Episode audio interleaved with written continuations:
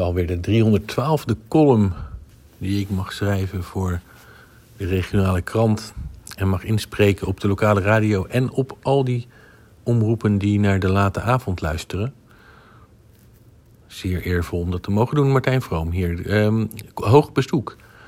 Er komt deze week, vandaag zelfs, donderdag 24 november, hoog bezoek naar Krimpen. Ja, u denkt, ja, nee, ja, die is er al. Hè? Onze schoen is al gezet, we hebben de liedjes gezongen, we hebben de pepernoten, kruidnoten, marsepein gegeten.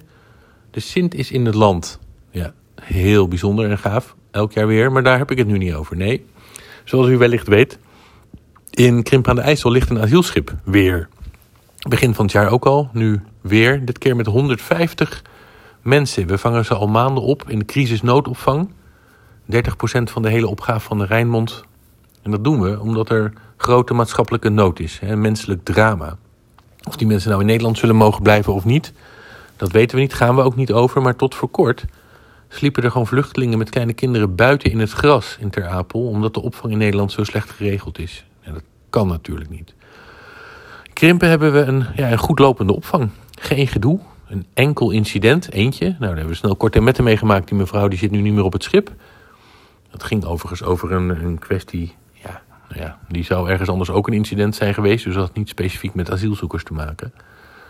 Er is een goede sfeer aan boord. Er zijn ontzettend veel vrijwilligers actief. Professionele organisatie die het allemaal begeleidt en coördineert. En ja, het liefst stel ik die allemaal voor aan de staatssecretaris van asielzaken. Want ja, het gaat goed. En dat is ja, soms wel bijzonder te noemen. Dus ik heb hem uitgenodigd van kom nou eens kijken op een plek waar het gewoon goed gaat. Ja, hij komt langs. Helaas wel in klein gezelschap, dus ik kan niet iedereen aan hem voorstellen. Maar we gaan wel de dingen bespreken waar we tegenaan lopen. Want juist omdat het zo goed gaat, zien we ook dingen misgaan... die op andere plekken ja, eigenlijk verwaarloosd worden. Zoals het onderwijs aan kleine kinderen. Maar goed, dat eh, gaan we met hem bespreken. Hij komt graag langs, zei hij. Dus uh, hij gaat er ook nog wat van opsteken.